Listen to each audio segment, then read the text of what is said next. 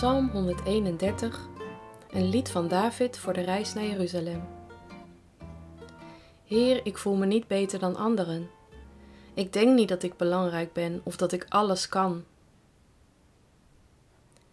Nee, ik ben rustig en stil. Ik voel me veilig bij u, zoals een kind in de armen van zijn moeder. Israël, vertrouw op de Heer, nu en altijd.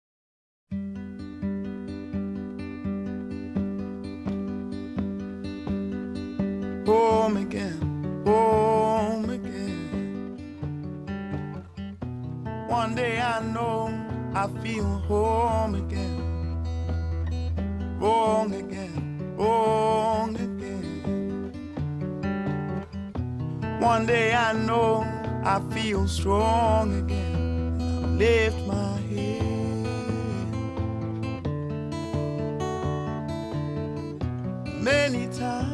I've all this talk make you. Ik ben rustig en stil. Ik voel me veilig bij u, zoals een kind in de armen van zijn moeder. Dicht deze superkorte psalm. Eerst wordt er gezegd wat de dichter allemaal niet wil wezen. Ik voel me niet beter dan anderen. Ik denk niet dat ik belangrijk ben en dat ik alles kan. Net alsof de schrijver dit wel geprobeerd heeft, maar het heeft hem blijkbaar niets opgeleverd. Daar kunnen meer mensen over meepraten, misschien jij ook wel. Ikzelf herken het wel. Stilstand is achteruitgang, is ook mijn gedachte. Ik moet vooruit. In mijn werk, in mijn relatie, in mijn vaderschap, in praktisch alles.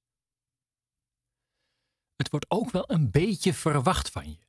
Van jongs af aan krijgen kinderen al van hun ouders te horen dat ze heel speciaal zijn, dat ze goed zijn in praktisch alles. Ook op Facebook of Instagram laten mensen zich altijd van hun beste kant zien. Een goed uiterlijk, gespierd, gezond, bruin van de zon, rijk. Het perfecte plaatje. Maar het blijven plaatjes. In deze psalm klinkt het anders. Ik ben rustig en stil, staat er. Als je tevreden kunt zijn met jezelf, met je omstandigheden, niet altijd verder, hoger of beter moet zijn. Jezus zei het bovendien ook al: word als een kind. Geloof als een kind. Voor diegene is het koninkrijk van God. Wat is het eigen aan een kind? Een kind vertrouwt. Hij of zij bestaat bij de gratie van zijn ouders. En je hoeft niet het onderste uit de kant te halen. Je hoeft niet het uiterste uit het leven en uit anderen te persen. Wees rustig. Wees stil.